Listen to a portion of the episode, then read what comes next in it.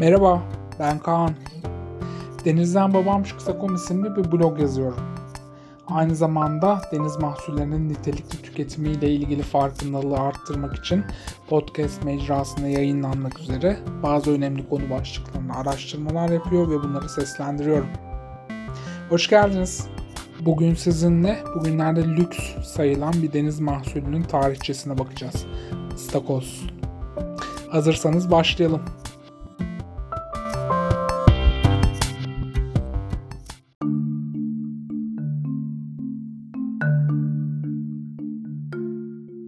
Bugün deniz mahsulleri satan büyük marketlere gittiğinizde büyük büyük akvaryumların içinde çeşit çeşit deniz hayvanlarının yüzdüğünü ve müşterileri beklediğini görürsünüz.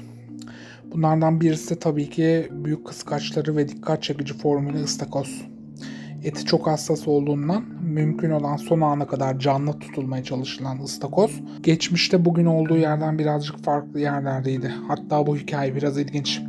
Şimdi isterseniz ıstakozun sofralarımızdaki uzun yolculuğuna biraz ortak olalım.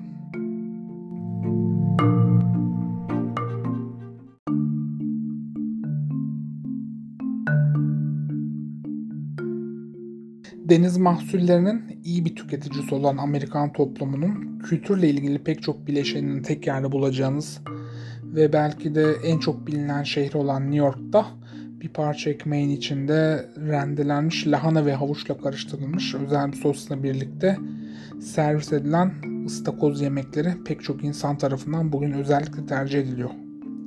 Fiyatı dönemden döneme değişiklik gösteriyor olmakla birlikte genellikle devamlı olarak artıyor.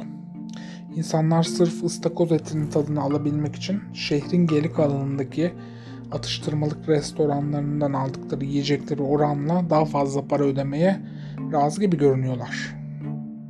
Istakoz düşünün ekmek arasında bir atıştırmalık olarak. Halbuki dünyanın bu yanında ıstakoz genellikle zengin sofralarında, pahalı masalarda ve iyi kalite şampanyalarla servis edilen pahalı bir deniz mahsulü.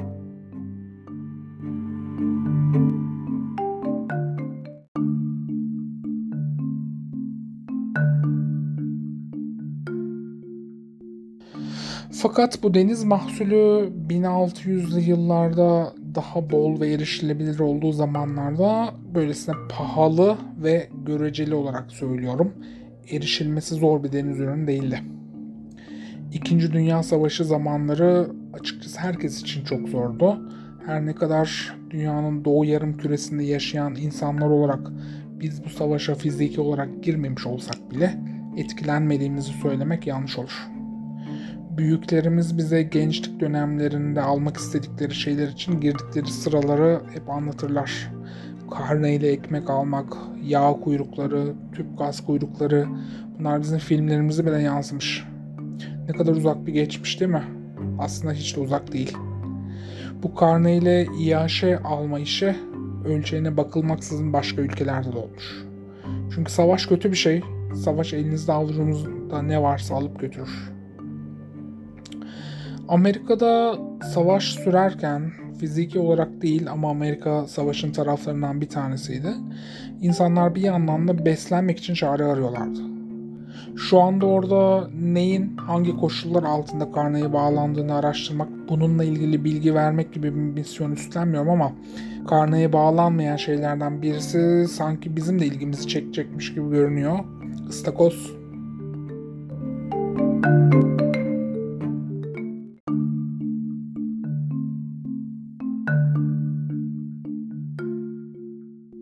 Konuya devam etmeden önce tabii ki ıstakoz hakkında size çok kısa bir bilgi versem iyi olur gibi görünüyor. Istakozlar artropoda şubesi içinde dekapod alt takımı içinde yer alan dış iskeletli derisi diken deniz hayvanları. Bu hayvanların suyun altındaki en yakın akrabaları karidesler, yengeçler ve tatlı suda ise kerevit. Artropoda artropodalar yani eklem bacaklılar suyun altında olduğu kadar suyun üstünde de varlar. Hatta muhtemelen etrafınızda şu anda en az bir tanesi vardır. Çıyanlar, arılar, örümcekler, akrepler. Bu şubede şu an için bilinen yaklaşık 1 milyon 200 bin kadar canlı türü var. Neyse bu türün pek çoğuna karşı korkusu olan biri olarak ıstakoza geri dönüyorum.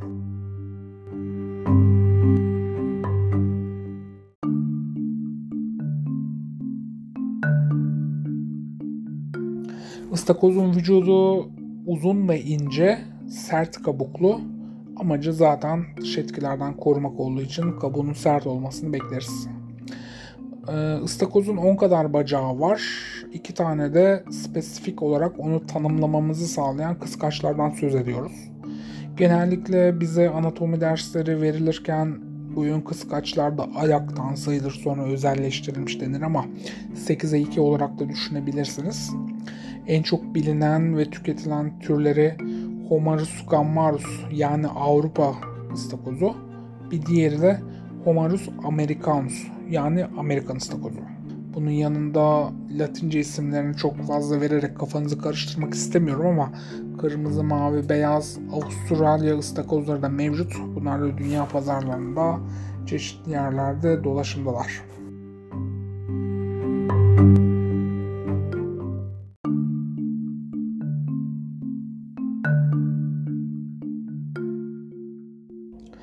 Gözünüzün önüne bir ıstakozu getirmenizi istiyorum.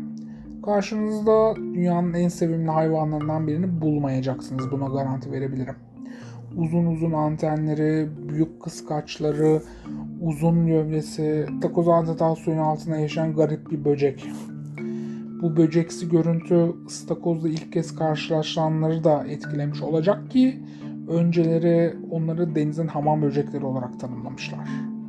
Ve ıstakoz genellikle toplumun içinde en fazla itilmiş, yok sayılmış veya önemsenmeyerek ötekileştirilmiş komitelerinden birisi olan mahkumları falan yemek olarak sunulmuş.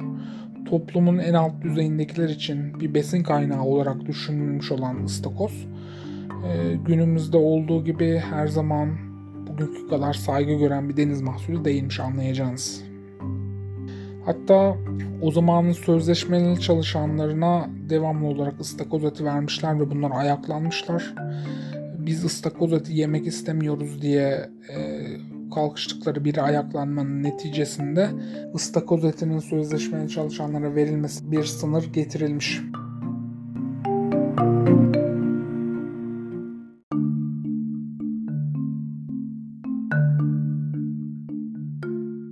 Peki bu deniz hayvanı sizce niye sadece yalnızca alt gelir grubundaki insanlara sunuluyordu? Bu konuda hiçbir fikriniz var mı?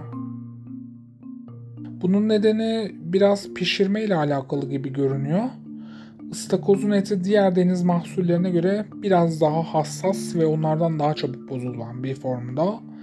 Günümüzde farkında olunan pişirme yöntemlerinin aksine ıstakoz o zamanlarda yine öldükten sonra pişiriliyormuş.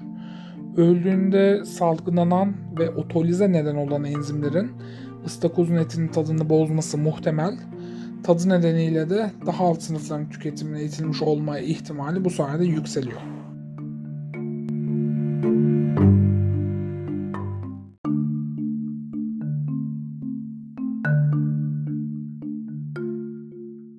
Peki hapishanelerdeki insanları doyurmak için göreceli olarak pis bir başka canlı ile kıyaslanan, görüntüsü itibariyle ön yargı uyandıran bu hayvan nasıl oldu da birden yükselmeye ve zengin sofraları süslemeye başladı? Biraz daha önceye gidelim mi birlikte sizle? Mesela Viking çağına.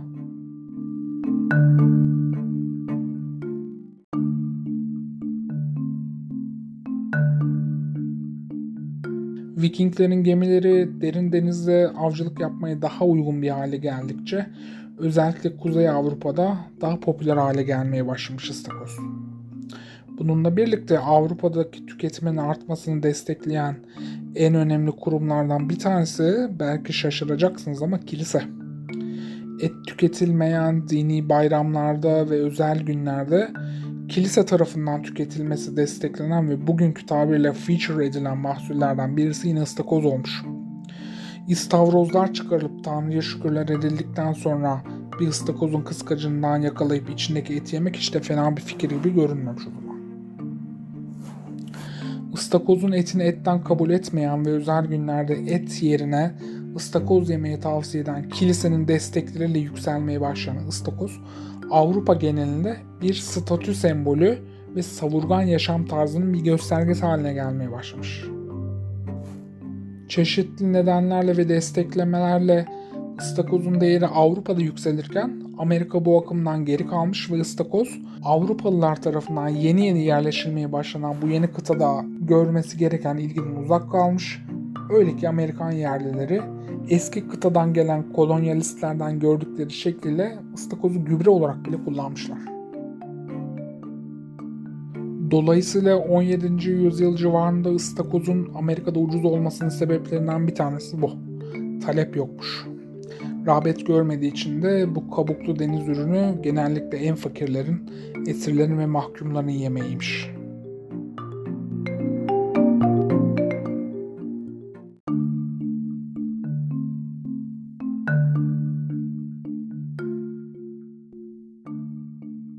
Yeni çağın başında demir yollarının hepimizin hayatını değiştirdiğini reddedemeyiz herhalde.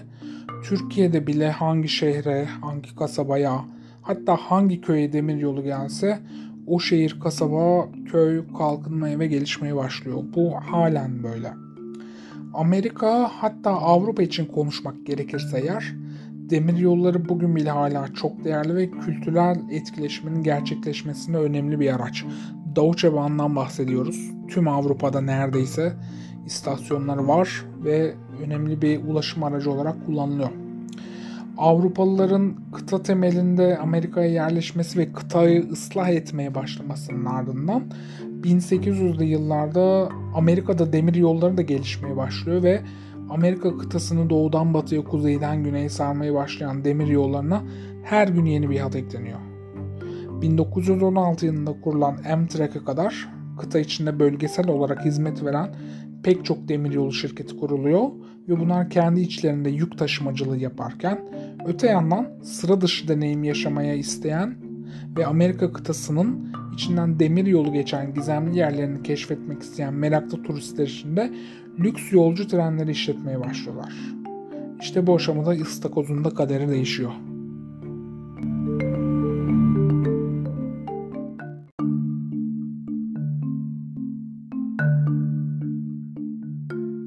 Yolcular bu lüks trenlerle Amerika kıtası içinde günlerce süren konforlu seyahatlere çıkarken bu yolcuların ilgisini çekmek ve daha çok insanın Amerika kıtası içinde trenle gezmesini sağlamak için menülere egzotik bir deneyim olarak ıstakoz ekleniyor.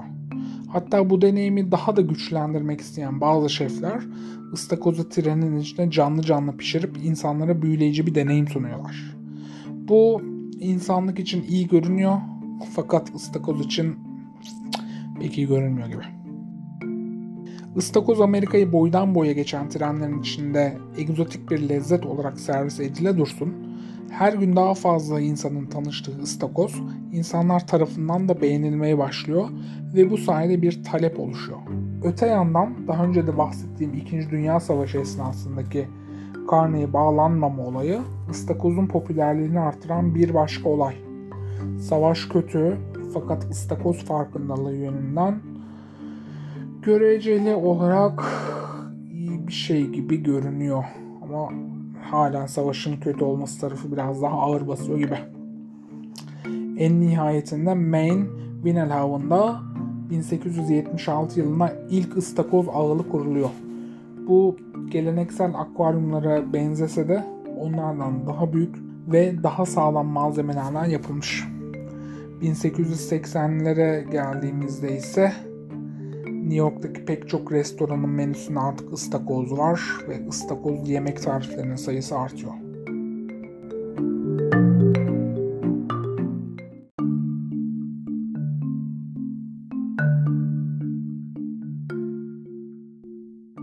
Bu deniz mahsulünün tüketimindeki artış mahsulün arzının artmasıyla birlikte fiyatını düşürse de bu sefer de denizden elde edilebilen ıstakozun miktarındaki düşüş sınırlayıcı bir faktör haline geliyor.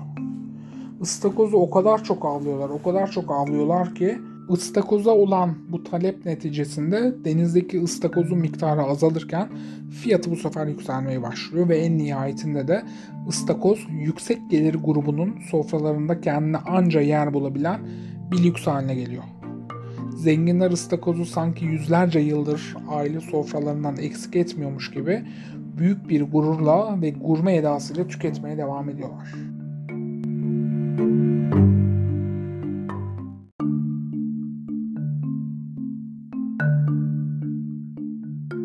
Istakozu sofraya koyarken tedarikçileri ve aşçıları düşündüren en önemli gider kalemi tabii ki fiyatı. 2023 yılının ikinci devresinde bile öylesine beklenmedik dalgalanmalar yaşıyoruz ki her şey gibi ıstakozun fiyatı da artıyor. Bunun yanında kabuklarından arındırıldığında geriye gerçekten çok az miktarda et kalıyor.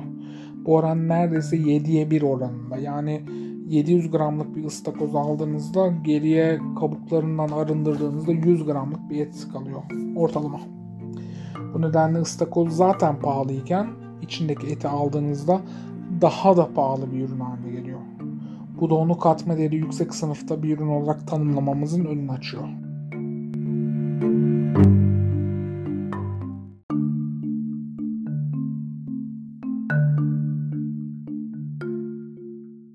Istakozu bugün kültüre almak için çeşitli araştırmalar ve yetiştirme faaliyetleri sürdürüyoruz. Bu faaliyetler hayata geçtikten sonra ve sürdürülebilir şekilde ıstakozu yetiştirmeyi başardıktan sonra ıstakozun arzı sanki biraz daha iyi olacak gibi ama bu sefer bizi kısıtlayan başka bir şey daha var. Istakozun taşımacılık maliyeti. Istakoz derin denizlerden gelen bir deniz mahsulü ve kafesler toplanana kadar kendi içlerinde birbirlerini yeme ihtimalleri var. Kaldı ki modern ülkelerdeki balıkçılık aktivitelerini düzenleyen kurallara göre kafeslere girmiş olan ıstakozun bir kısmını geri bırakmanız bile gerekiyor olabilir. Hangi şartlar altında? Eğer ıstakoz çok büyükse, çok küçükse ya da üzerinde yumurta taşıyan bir dişi ise normal şartlar altında gitmesi gereken yer sizin sofranız değil, geldiği yer yani deniz. Hatırlıyorsunuzdur bununla ilgili bir video var. Adamın teki kafesten çıkan bir ıstakozu yumurtalı olduğunu anlayınca kıskacına bir ringa balığı sıkıştırıp tekrar denize atıyordu. Sorumlu balıkçılık aslında biraz da bu. Geleceği de bir şeyleri bırakmak için bugün vazgeçmemiz gerekenler var ve bunun farkında olmamız gerekiyor.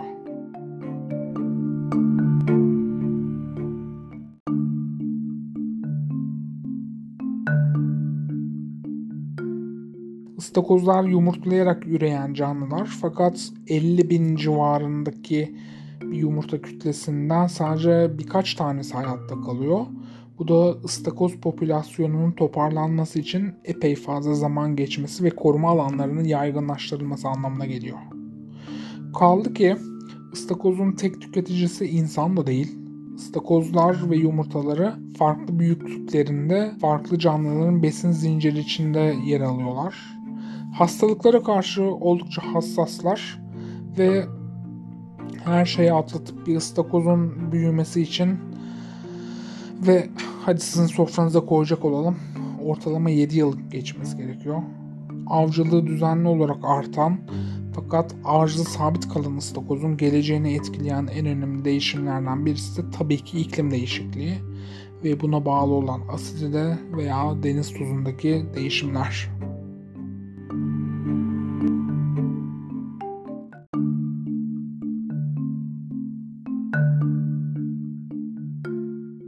Istakoz son derece hassas olan etinden ötürü mümkün olduğu kadar taze tüketilmesi gerekiyor.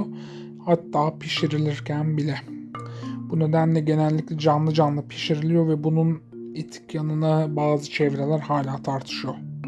Belki ileride ıstakoz tüketmekten bütünüyle vazgeçeriz ya da hiç olmazsa bunun göreceli olarak daha etik sınırlar içinde kalan bir yolunu buluruz. Belki de ıstakoz hayatımızdan pek çok deniz türü gibi silinir gider ama tabii ki bunu istemeyiz.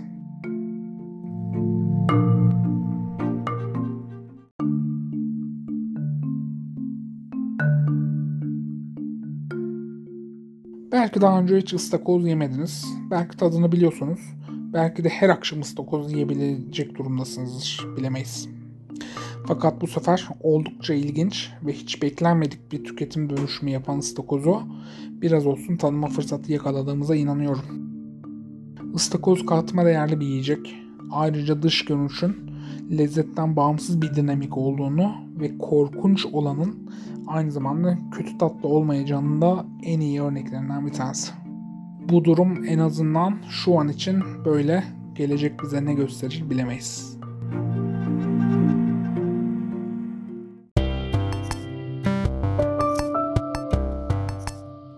Bugün de beni dinlediğiniz için teşekkür ederim.